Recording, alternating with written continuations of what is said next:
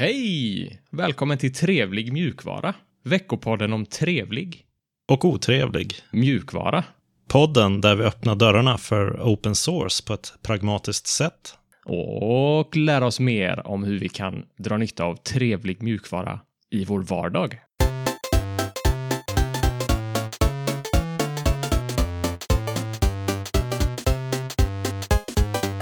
Jag heter Sebastian och med mig har jag som vanligt Alex. Hallå, Hur är hallå. läget med dig? Jo, det, det, det är okej. Har varit lite krasslig det sista, men det, vi är på bättringsvägen. Ja, vad gött. Själva, Jo, det är fint. Bara bra. vad ska vi prata om den här veckan? Denna veckan så är det några stycken nyheter, en otrevlighet, några trevligheter som kommer från eh, tips från en av våra lyssnare, bland annat. Och sen lite uppdateringar på våra utmaningar som vanligt. Ja, men först nyheter.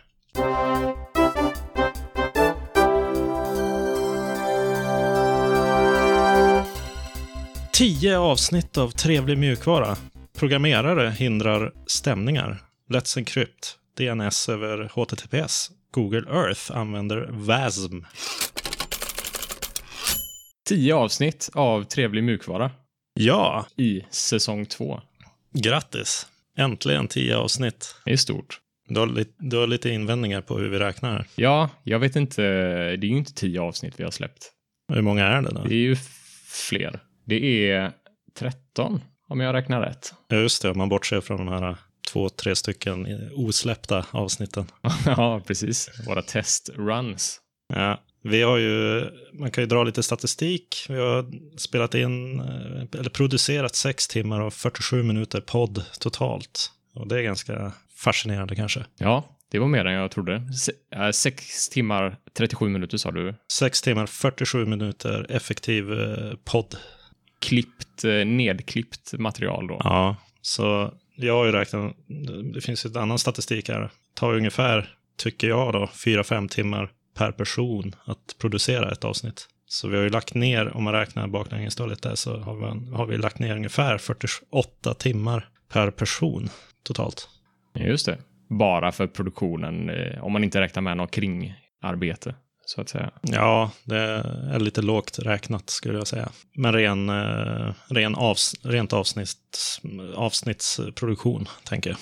Ja, just det. Vi har ju jobbat en del med automatisering av produktionen av avsnitten. Ja, vi har ju någon slags målbild på fyra till tre timmar per avsnitt. Ja, ja det ska vi nog kunna komma ner i. Vi har ju heltidsjobb och Ja, vissa av oss har barn och familj och sådär. Så att, eh, ja. Ju snabbare det går att producera ett avsnitt, eh, desto bättre för oss. Och desto mer tid kan vi lägga på förberedelser och andra roliga saker. mm. vi vill ju konstant bli bättre och vara mer lyhörda. Och så ska vi nog försöka fortsätta konstant släppa avsnitt.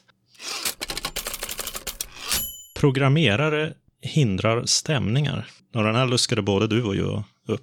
Ja, precis. På olika håll. Mm. Men det verkar ju vara en intressant eh, idé som den här programmeraren hade. Vad är det han har gjort egentligen? Det var väl en programmerare i samarbete med en musiker?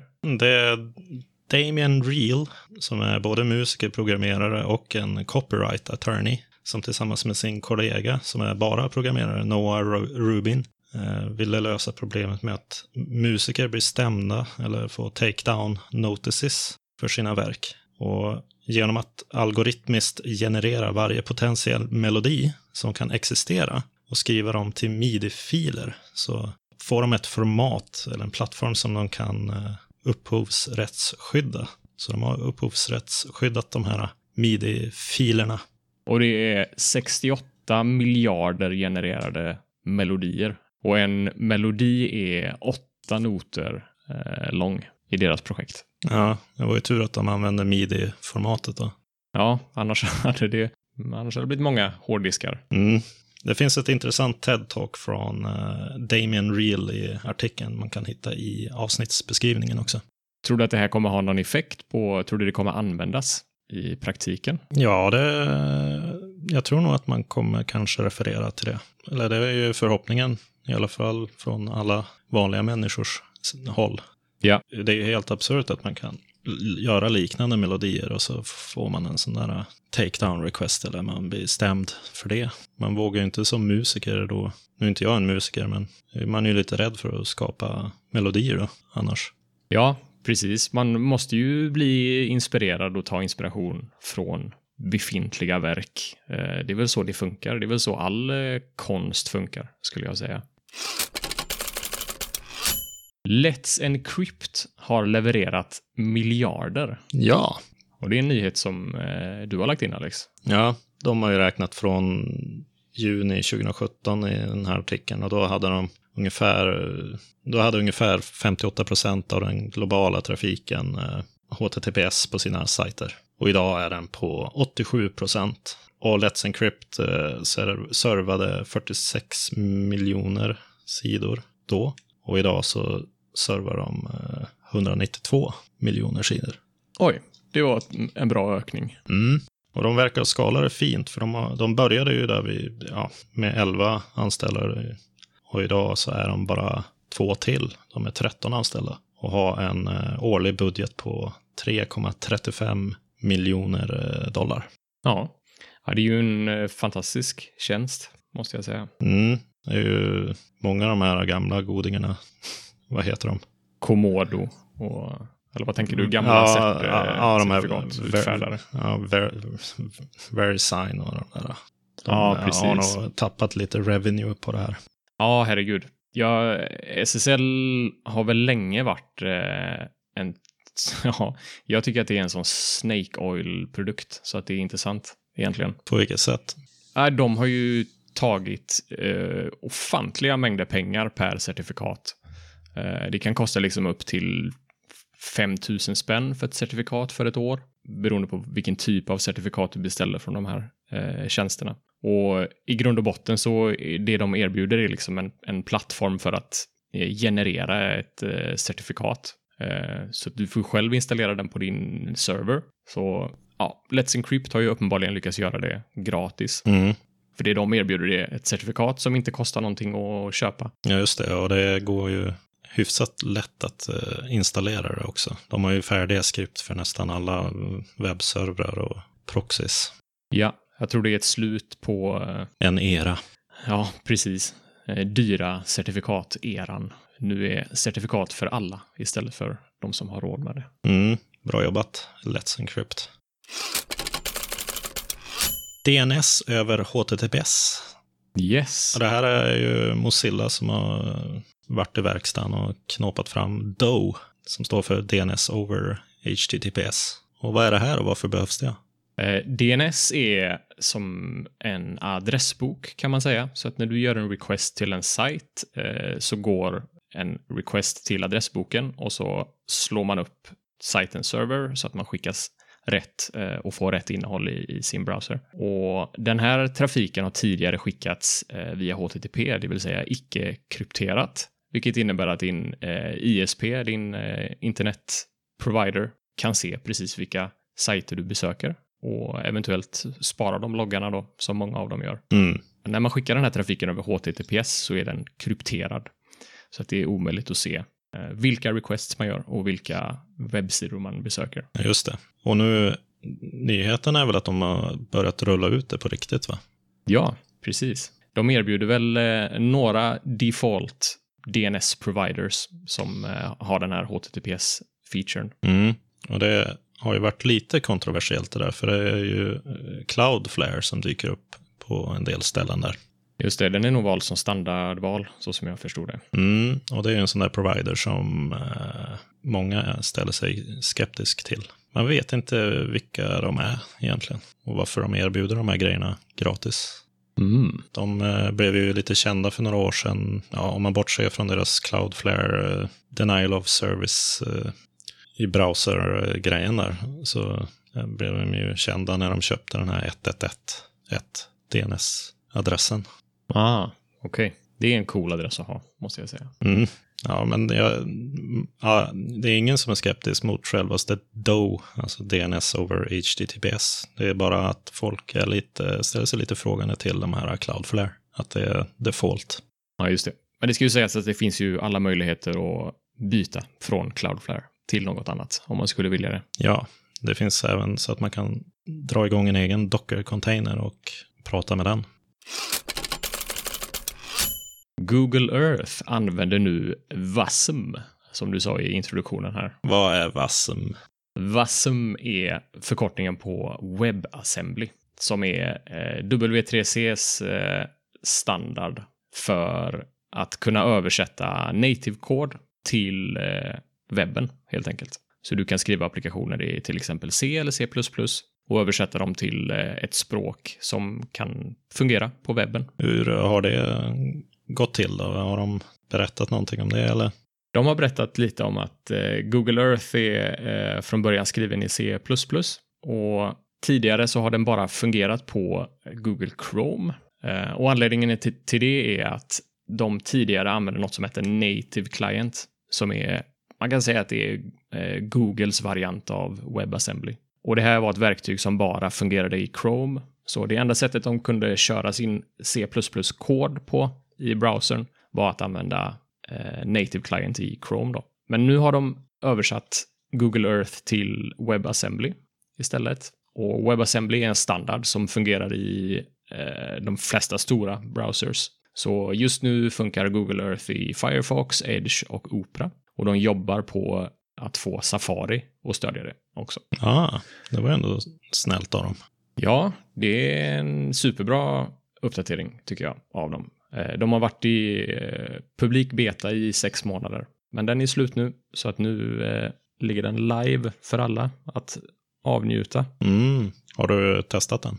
Det har jag inte gjort faktiskt. Ja, det var länge sedan jag körde Google Earth också. Men nu kan man ju surfa in dem, förhoppningsvis med Firefox och åtnjuta det där. Precis. Otrevligheter. Yeah! Ikea trådfri. Det här är ju ingen jätteotrevlig eh, grej, utan det här är lite mera, vad ska jag kalla det, en personlig upplevelse av Ikea trådfri. Som man kan tycka är för folket eftersom alla går på Ikea och köper de här trådfri. Ja, det känns ju som folkets teknik, det som säljs på Ikea. Ja. Det har jag trott var bra grejer de säljer där. Billiga och bra grejer. Det, det är det, när det fungerar. Men det här paketet de säljer med gatewayen och lamporna och kontrollerna har inte fungerat smärtfritt. Okej. Okay. Nu, har inte jag, nu har inte jag personligen en eh, gateway och kontroll. Men jag har eh, en Raspberry Pi som eh, kör lite prylar och har en sån här sticka som pratar Zigbee. Och det var ju minst sagt krångligt att resetta Ikeas lampor. Man var tvungen att tända, släcka, tända, släcka. De har ingen knapp på lampan eller så som man kan trycka på för att resetta lampan. Vad menar du med resetta? Det enda man gör är väl att tänder eller släcka den? För att kunna para den ibland med andra prylar än Ikea trådfri sådana här kontroller så måste man resetta lampan så att den pratar eh, ren Zigbee. Nu kan inte jag det tekniska exakt hur det fungerar, men tipset är om du inte lyckas para med din lampa men, så måste du prova att köra en sån här factory, factory reset. Okay. Då ska man eh, i viss takt tända, släcka, tända, släcka. Och det funkar bra på de flesta trådfria lamporna. Men de billigaste varianterna som många köper, då måste man göra det i en viss takt. Okay. Eh, och då fick man tända, släcka, tända, släcka. Kan man referera till någon låt då som man gör i, i HLR? Man refererar till Stayin' Alive. Stayin' Alive, Stayin' Alive. Tryck, tryck, tryck, tryck. Ja, men ja, det är typ det man får göra. Uh, och det tänkte jag att det, det, just, det får jag ju leva med, för nu har jag ju valt att inte använda deras gateway och deras kontroller och så vidare. Dessvärre så har jag ju gett min far gateway och uh, kontroll och lampor. Så han har ju börjat bygga ut sitt Ikea trådfri hem. Och han har ju stött på patrull med att gatewayen har inte dykt upp i appen. Den är ju helt lokal den där gatewayen och det är ju stort plus. Mm. Men den hade en del barnsjukdomar och sen har det kommit uppdateringar och så har det liksom löst sig. Och sen så har han tappat lampor och så har han, ja han är väl 76-77 år snart. Så det var ju, han har ju fått eh, resetta och han har ju lampor ute i trädgården och allt möjligt. Så han får ju ta ut dem och... Och, och stänga av och sätta på dem i vissa takter. Ja, precis. Han har fått någon, eh, någon guide på att man ska dra ut elsladden till sin gateway i 10 sekunder och sen stoppa in den igen. Och sen ska du ta bort din fjärrkontroll ur appen och den är inte så jättetydlig hur man tar bort. Sen ska man ta bort eventuella lampor som är inlagda i appen och sen ska man nollställa belysningen. Och det gör man genom att bryta belysningen genom en fysisk brytare. Totalt ska den tändas och släckas sex gånger vardera. Och när man börjar så ska lampan vara tänd och den ska vara, vara i takt. Så att man får rätt takt så kan man räkna 1001 släcklampan, 1002 tändlampan, 1003 släcklampan. Man fortsätter så tills man kommer till 1012. Och efter cirka 5-10 sekunder som man gjort rätt på det så ska lampan blinka och lysa med full styrka. Och det, får vara, det måste vara exakt sex gånger och det får inte vara sju eller fem. Det där låter ju helt fruktansvärt. Ja, det är inte så roligt när man har ett tiotal lampor och ska återansluta alla dem. Men eh, de har ju försökt att bli bättre på det här, Ikea. De är lite mera agile och lite mera mjukvara. Det är som en helt annan enhet på Ikea som inte gör möbler utan de gör mjukvara. Mm. Och de här trådfria produkterna. Och det verkar ju som att det blir bättre och bättre. Men de har ju haft de här grejerna ute ganska länge. Och i över, i över ett år eller två. Så att det är lite otrevligt att man förväntar sig ju att det ska funka och så ger man bort det här i julklapp till sin farsa. Och så sen så får han springa runt och felsöka och kontakta support. Och han är ju en sån där som går till Ikea och pratar med dem på plats med de här Ja, okej. människorna som jobbar på, i affären. Och de har ju inte en susning om vad som gäller eller vad. De, han, gav, han fick ju en ny eh, kontroll av dem bara, i princip. Okej. Det känns som att de, de kan väl bara stoppa in en knapp på lamporna. Reset. Ja, precis. Ja, det hade ju varit det allra smidigaste. Det här är ju en sån grej man orkar göra en gång, eller två gånger, eller max tre gånger. Men om du behöver resetta de här en gång i veckan, då hade jag ju tröttnat på Ikea trådfria lampor jättesnabbt och slängt dem och skaffat vanliga Mm. glödlampor istället. Ja, Det är ju ingen hållbar lösning eh, det här, om man behöver resetta den så ofta. det här ska ju bara fungera. Det här är ju sådana grejer som man stör sig på direkt om det inte funkar. Mina Philips Hue-lampor har faktiskt bara fungerat. De har fungerat fantastiskt bra. Jag har aldrig haft något problem med dem. Jag tror inte problemet är med självaste lamporna, även om de har så här krånglig factory reset eh, av på dans. Så jag har ju sådana Ikea trådfri lampor och när jag väl har fått dem ihopparade med min hubb så eh, har de funkat flawlessly sedan dess. Ja, så det är hubben, Ikeas hubb eh, som är problemet här. Ja. då. Ja, nej, får Ikea bättra sig, tycker jag. Ja, de kan ju få lite cred för det verkar ju som att de lägger lite krut på det och det verkar ju bli bättre också. Och det här, jag är ju fortfarande sugen på de här um, smart blinds som de har släppt. Men nu över till lite trevligare marker.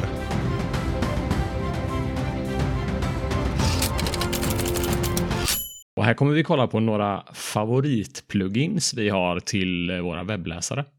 Och det är vår lyssnare Josefin som eh, har bett om att vi ska lista de här. Hon hade den idén. Så det tänkte vi, det är klart vi ska göra. Ja, har vi rangordnat de här utifrån vår popularitet eller hur viktiga de är?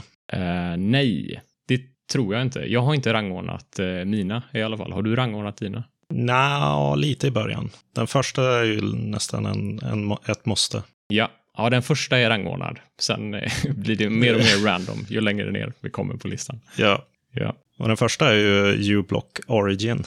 Och vad är det Seb? För du har ju också, jag har lagt in den och du har plussat på den också. ja. uBlock Origin är en ad-blocker till din browser. Mhm. Ja, den funkar ju bra. Den funkar riktigt bra. Den blockar, ja, den blockar all reklam. Den blockar liksom videoreklam, pop-ups, eh, in-page-reklam, eh, reklam på sökmotorer, allting. Mm. Ja, den är bra. Och nästa då? Nästa är Bitwarden. Det här kan man väl egentligen byta ut mot lösenordshanterare-plugin då? Eller? Just det, precis. Så Bitwarden är en eh, lösenordshanterare, precis som du säger. Eh, och de har liksom appar eh, för alla typer av devices, men de har också ett browser-plugin som gör det väldigt lätt att eh, automatiskt fylla i dina användaruppgifter när du loggar in på diverse tjänster. Mm. Men vi båda har Bitwarden. Så det är väl någon slags trevlig mjukvara-stämpel på just Bitwarden, tror jag. Ja, tycker den har funkat jättebra. Jag har kört massa OnePass och KeyPass och olika varianter, men eh, Bitwarden är nog en favorit just för tillfället. Nästa är någonting som du som kör Chrome inte har stött på, men det är containers. En container-plugin. Nu kanske den är standard i Firefox, men eh, ja, jag har kört den väldigt länge. Och det är ungefär som i Chrome kan man ju ha olika profiler i browsern, men då får man ju nytt fönster.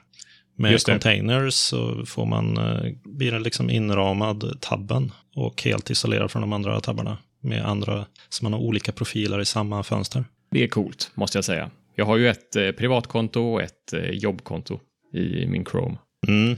Ja, jag har container för mig själv, jobbet, trevlig mjukvara. Och det kopplas ihop lite, men det finns sådana här andra plugins som bygger på containers. Och det är Easy Container Shortcuts. Och då kan man istället för Ctrl-T för en ny tab så kan man ta Ctrl-Shift 1 för den första containern. Det brukar vara min jobbcontainer. Eller Ctrl-Shift 2 för, som är nästa container. Mm. Så det är ett must have plugin för mig när jag har container. Ja. Sen är det en till som hänger på den här container-teknologin som är Facebook Container. Och den eh, isolerar hela Facebook-universumet i någon slags container. Så det blöder inte ut. Den eh, blockar även eh, sådana här follow me-länkar och sånt ute på sidorna. Så då ser man en liten sån här container, Facebook container-block på, på SVT Play och sådana sidor. När man går in där så märker man att de har någon like-knapp eller liknande som kommunicerar med Facebook så att de samlar in data om en.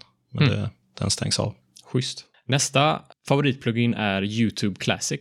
Och det är inget jag kör, men eh, du kör den. Vad är det för något? Det är en... Eh, den tar tillbaka det klassiska YouTube gör det mycket, mycket snabbare. Så det blir inte lika resurskrävande. Är det videorenderings... Eh, den gamla videorenderingen? Nej. Nej, den fungerar ju som vanligt. Däremot så är layouten på det gamla sättet och CSS och JavaScript och allt möjligt. Ja, okej. Okay. Det är som skalet runt omkring videoserna som är betydligt mer lightweight. Ja. En annan plugin är Plasma Integration som jag har lagt in. Och det hänger ihop med att man kör Linux och Plasma Desktop. Och den eh, gör det helt enkelt så att all media som spelas upp i browsern dyker upp i det här integrerade vanliga mediagränssnittet i Plasma. Mm, volymkontrollerna och hela den biten. Ja, så man kan pausa musik som spelas på YouTube eller... Ja, schysst. Den får jag kolla på faktiskt. Det blir ganska nice när man har integration med KDE Connect. Den här mobilkopplingen mellan Plasma och KDE Connect. Mm. För då, när någon ringer mig ungefär två gånger per år, eh, så pausas ju musiken eller det jag tittar på i YouTube. Och då märker jag ju att någon ringer faktiskt. Ah, coolt. Nästa plugin vi har är Better History. Och det är ett Chrome-plugin som jag har kört länge. Som egentligen superchargar eh, history-funktionaliteten i din browser. Mm -hmm. Så att jag använder ofta history för att lyckas eh, lista ut vad jag har gjort under en dag. Eh, så det kan vara viktigt i jobbet ibland när man ska tidrapportera till exempel. Och så har man lite kort minne som jag har ibland. kan man gå in i sin eh, browser history med det här pluginet och få mycket mer information och mycket bättre navigering av eh, all historik du har. Mm -hmm. Ja, det låter ju trevligt. Ja, den är trevlig. Det är inte mycket mer än det. Så att det är ett bättre UI för att browsa samma data som man kan browsa eh, utan det här pluginet. Men eh, jag tycker UI eh, default i Chrome för History är jättedåligt. Så den, eh, det här pluginet är ett måste för mig. Nästa plugin är Pesticide som du har lagt in. Yes, precis. Vad är det? För det, jag har aldrig hört talas om det. Nej, jag förstår det. Det är väldigt specifikt för webbutvecklare, tror jag. Eller folk som håller på med HTML och CSS, som jag gör. Eh, så att Pesticide är, du får en liten knapp uppe bland dina plugins och om du klickar på den så får du en outline kring varje element på webbsidan. Eh, så det är helt enkelt ett analysverktyg för att när du sitter och försöker positionera ett element på rätt ställe när du bygger en webbsida eh, så kan du klicka på den och så får du en outline och så ser du precis hur stort elementet är och hur det, hur det relaterar till eh, sina föräldraelement och, och barnelement. Ja, just det. Det är ungefär som den här Family Guy när han står... Det brukar vara en GIF när han drar i den här Persiennen. uh, persiennen är åt ena hållet och andra hållet. Exakt. För att illustrera problematiken med att inte förstå sig på CSS. Precis, exakt. Så här blir det eh, jättevisuellt och eh, alla borders eller outlines har olika färger beroende på vad det är för typ av padding eller spacing på elementet. Och, ja, eh, och det hjälper mig jättemycket. Sen är det två plugins kvar, va? Det är två plugins kvar, yes. Och nästa är eh, RES, eller Reddit Enhancement Suite. Kör du det?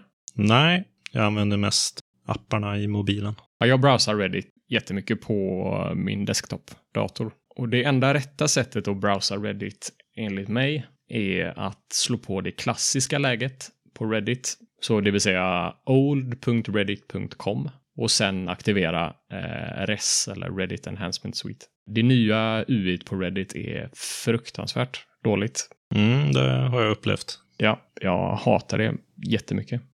Det är ett starkt ord. Ja, men eh, det gör jag. Jag kan inte browsa Reddit med det nya UIt. Ja, det är väldigt segt. Ja, det är segt och eh, konstigt. Och RES lägger till jättemycket bra funktionalitet. Eh, Framförallt så kan man expanda posts utan att gå in på dem och du kan även eh, resizea bilder och videos direkt i översikten, så att säga. Mhm. Och sista pluginen är Floating for YouTube, som du har lagt in. Yes. Det här är en liten, ett plugin som gör samma sak som eh, Pop-out Window gör i Firefox.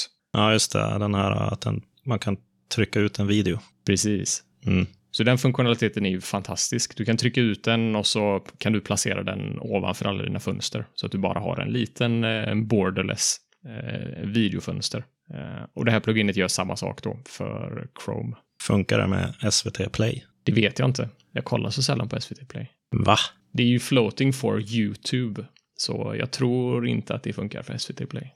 Det är det som är det fina med den Firefox-featuren, att den funkar ju på alla videos, verkar det som. Just det. Ja, den är, den är mycket bättre än vad det här pluginet är. Det ska sägas. Smithsonian Open Access har du lagt in som en trevlighet. Ja, Vad är det?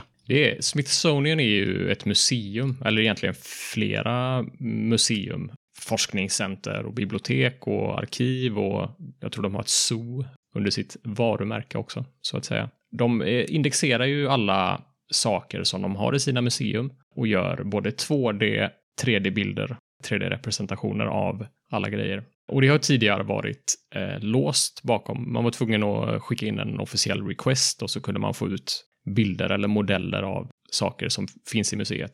Men nu har de släppt 2,8 miljoner bilder och modeller till den publika domänen under en Creative Commons Zero-licens som eh, i princip är så öppen som den kan vara. Ja, men det låter ju bra. Så att eh, det är också lättillgängligt, inte bara öppet utan det är lättillgängligt. Och de har också ett eh, GitHub-repo för sitt öppna API för att kunna få ut metadata om eh, alla de här grejerna. Ja, Deras förhoppning är ju att eh, folk ska använda de här grejerna och göra, göra saker med dem. Det finns folk som har gjort lite konstverk baserade på 3D-modeller till exempel, eller collage av eh, olika bilder, eller ja. Eh, så de har eh, totalt 155 miljoner prylar i sina museum. Och de fortsätter, kommer fortsätta under 2020 och i framtiden att eh, digitalisera sin, eh, sina kollektioner helt enkelt. Och lägga ut dem öppet och gratis för alla. ja det verkar ju ordentligt gjort det där. Verkligen. Det är ett superinitiativ.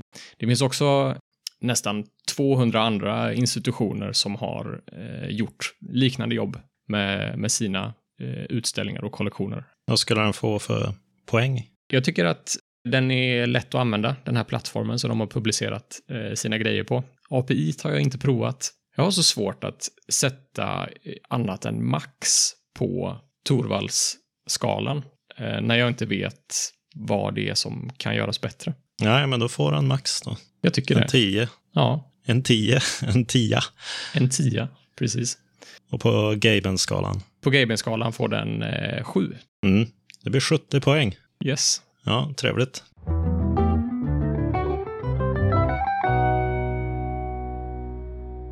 Lite uppdatering kring eh, min eh, Pinephone-utmaning. Jag har eh, varit och rest och varit krasslig, så jag har haft ont om tid att testa den helt enkelt. Tillräckligt för att ta upp någonting här just nu. Mm. Så vi går raskt över till dig då, med din Linux-utmaning. Precis. Jag har ju kommit fram till, som jag har snackat om innan också, att, att göra en full switch från Windows till Linux är inte superlätt. Speciellt när jag har saker som kräver Windows, eh, som jag sysslar med inom eh, jobbet. Så verkligheten är att jag måste, sitter jag på Linux så måste jag boota in i Windows eh, då och då för att kunna jobba med de här projekten. För du har inte någon virtuell maskin du kan boota upp. Nej, det har jag inte. Det är väl också ett alternativ, eh, antar jag. Men det känns aldrig som att det blir lika bra som native-upplevelsen man får på Windows. Ja, beror på vad man ska göra. Det, är väl, det kan väl aldrig vara lika bra som native-upplevelsen? Ja, ja, det beror ju som sagt på vad man ska göra. Jag kör ju lite Windows i virtuell maskin och har inga problem med att sitta hela dagar i den och utveckla. Nej, okej. Nej, det kanske jag borde prova då. Eh, Men eh, det jag tänker är att du har liksom, du får öppna ett extra fönster, det är lite shortcuts som eh, kanske möjligtvis blir konstiga. Jag vet inte riktigt vad problemen kan vara. Men... Det är ju lite sådana grejer. Men ja, jag tycker det är ganska skönt att ha den liksom confined i ett fönster. Och sen har jag full kontroll över när den där ska startas och stoppas. Ja, just det. Och jag har ju konfigurerat upp det så jag har en eh, re regel i, i plasma så att den håller sig i rätt size och utan borders och så vidare. Så det är ganska seamless upplevelse. Okej. Ja, det man kan säga är väl att eh, det är jobbigt att eh, boota mellan olika operativsystem och jag blir ofta fast i det jag sitter i, om det nu är Windows eller Linux. Så ja, jag letar fortfarande efter total enlightenment, men jag är inte där än. Ja, men det är viljan som räknas. Ja, det är bra. Tack för det. Här är vårt metasegment. Dags för lite uppdateringar från eh, vårt community. Ja, och där har vi ju fått jättebra feedback på för förra avsnittet Polis, polis, potatis, telefon. När vi pratade Ja. om, eh, ja, vi kom in på hur skulle polisen eh, komma in i telefonen och vi glömde ju nämna som Gargoyle Clown påpeka att de kommer att troligtvis också att köpa eller utveckla trojaner som utnyttjar zero day exploits. Just det. Vad är en zero day exploit? Det är någonting som eh, en exploit som är känd för bara vissa eh, personer som inte är publik, va? En compromised programvara som eh, är vars eh, compromise är eh, okänd för eller inte hanterad av de som behöver hantera den. Just det. Ja, det är ju mycket hemlighetsmakeri runt eh, de här grejerna. Det finns ju företag som eh, betalar miljontals eh, dollar för sådana här exploits. Ja, eller ett exempel som Gargoyle Clown tog upp här är ju att ett, ett exempel är den här WannaCry-attacken som utnyttjade en bugg som NSA utvecklade och höll hemlig. Så om polisen köper in och finansierar sånt här, såna här mörka grejer, så kan ju det hamna i fel händer och utvecklas till en ny WannaCry med ransomware och allt möjligt. Ja. ja, det känns spontant inte bra att eh, polisen ska använda den här, de här typen av smutsiga sätt. Nej. Contributor-ligan, hur ligger vi till här då? Ja, eh, jag ligger nog fortfarande på ett bronspoäng. Ja, och det gör jag också. Trots eh, flitiga tips från vårt community på saker vi kan hjälpa till med. Ja, Men vi har ju vissa personer i vårt community som har gått above and beyond, eller vad man ska kalla det. de har gjort det där lilla extra. Lagt ner mycket tid och kärlek på open source communityt. Men de ramlar ändå utanför skalan på något vis, eller de här ligorna. Ja, precis. Men det är ju värt att uppmärksamma dem eh, ändå, tycker vi. Ja, eh, och hund är ju en sån. Hund på Mastodon och andra ställen. Han har ju startat eh, och driver väl tillsammans med några kompisar, Linux-kompis bland annat. Och har sedan 11 år sedan varit en Ubuntu-member för sina insatser där. Så eh, han förtjänar ju också en applåd. Det tycker jag.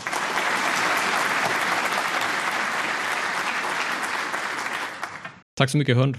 Fortsätt med det du gör. Vi uppskattar det jättemycket. Vi har ju funderat på att göra någon sån här snygg, trevlig approval badge eller någonting. Det är inte något som vi har spikat än. Nej, vi får se. Vi borde ju eh, kunna ge ut awards till dem vi tycker är fantastiska inom det här området. Ja, vi kanske ska ha någon sån här trevlig award ceremony. Just det. Det var all trevlig Och otrevlig. mjukvara vi hade för den här veckan. Hör gärna av er till eh, kontaktet trevligmjukvara.se. Och följ oss på ett trevlig mjukvara på Twitter om ni vill fortsätta diskussionerna eller ge annan input.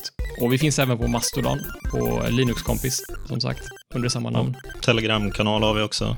Och, ja, det är väl bara att surfa in på hemsidan om ni vill kontakta oss också. Yes. Vi hörs nästa måndag. Trevlig mjukvara på er. Trevlig mjukvara!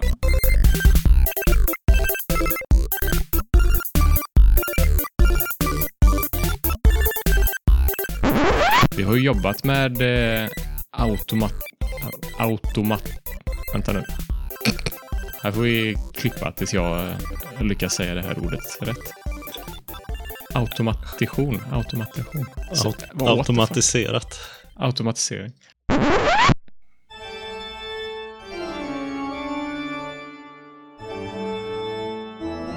Nu glömde jag ju säga. en gång till. En gång till.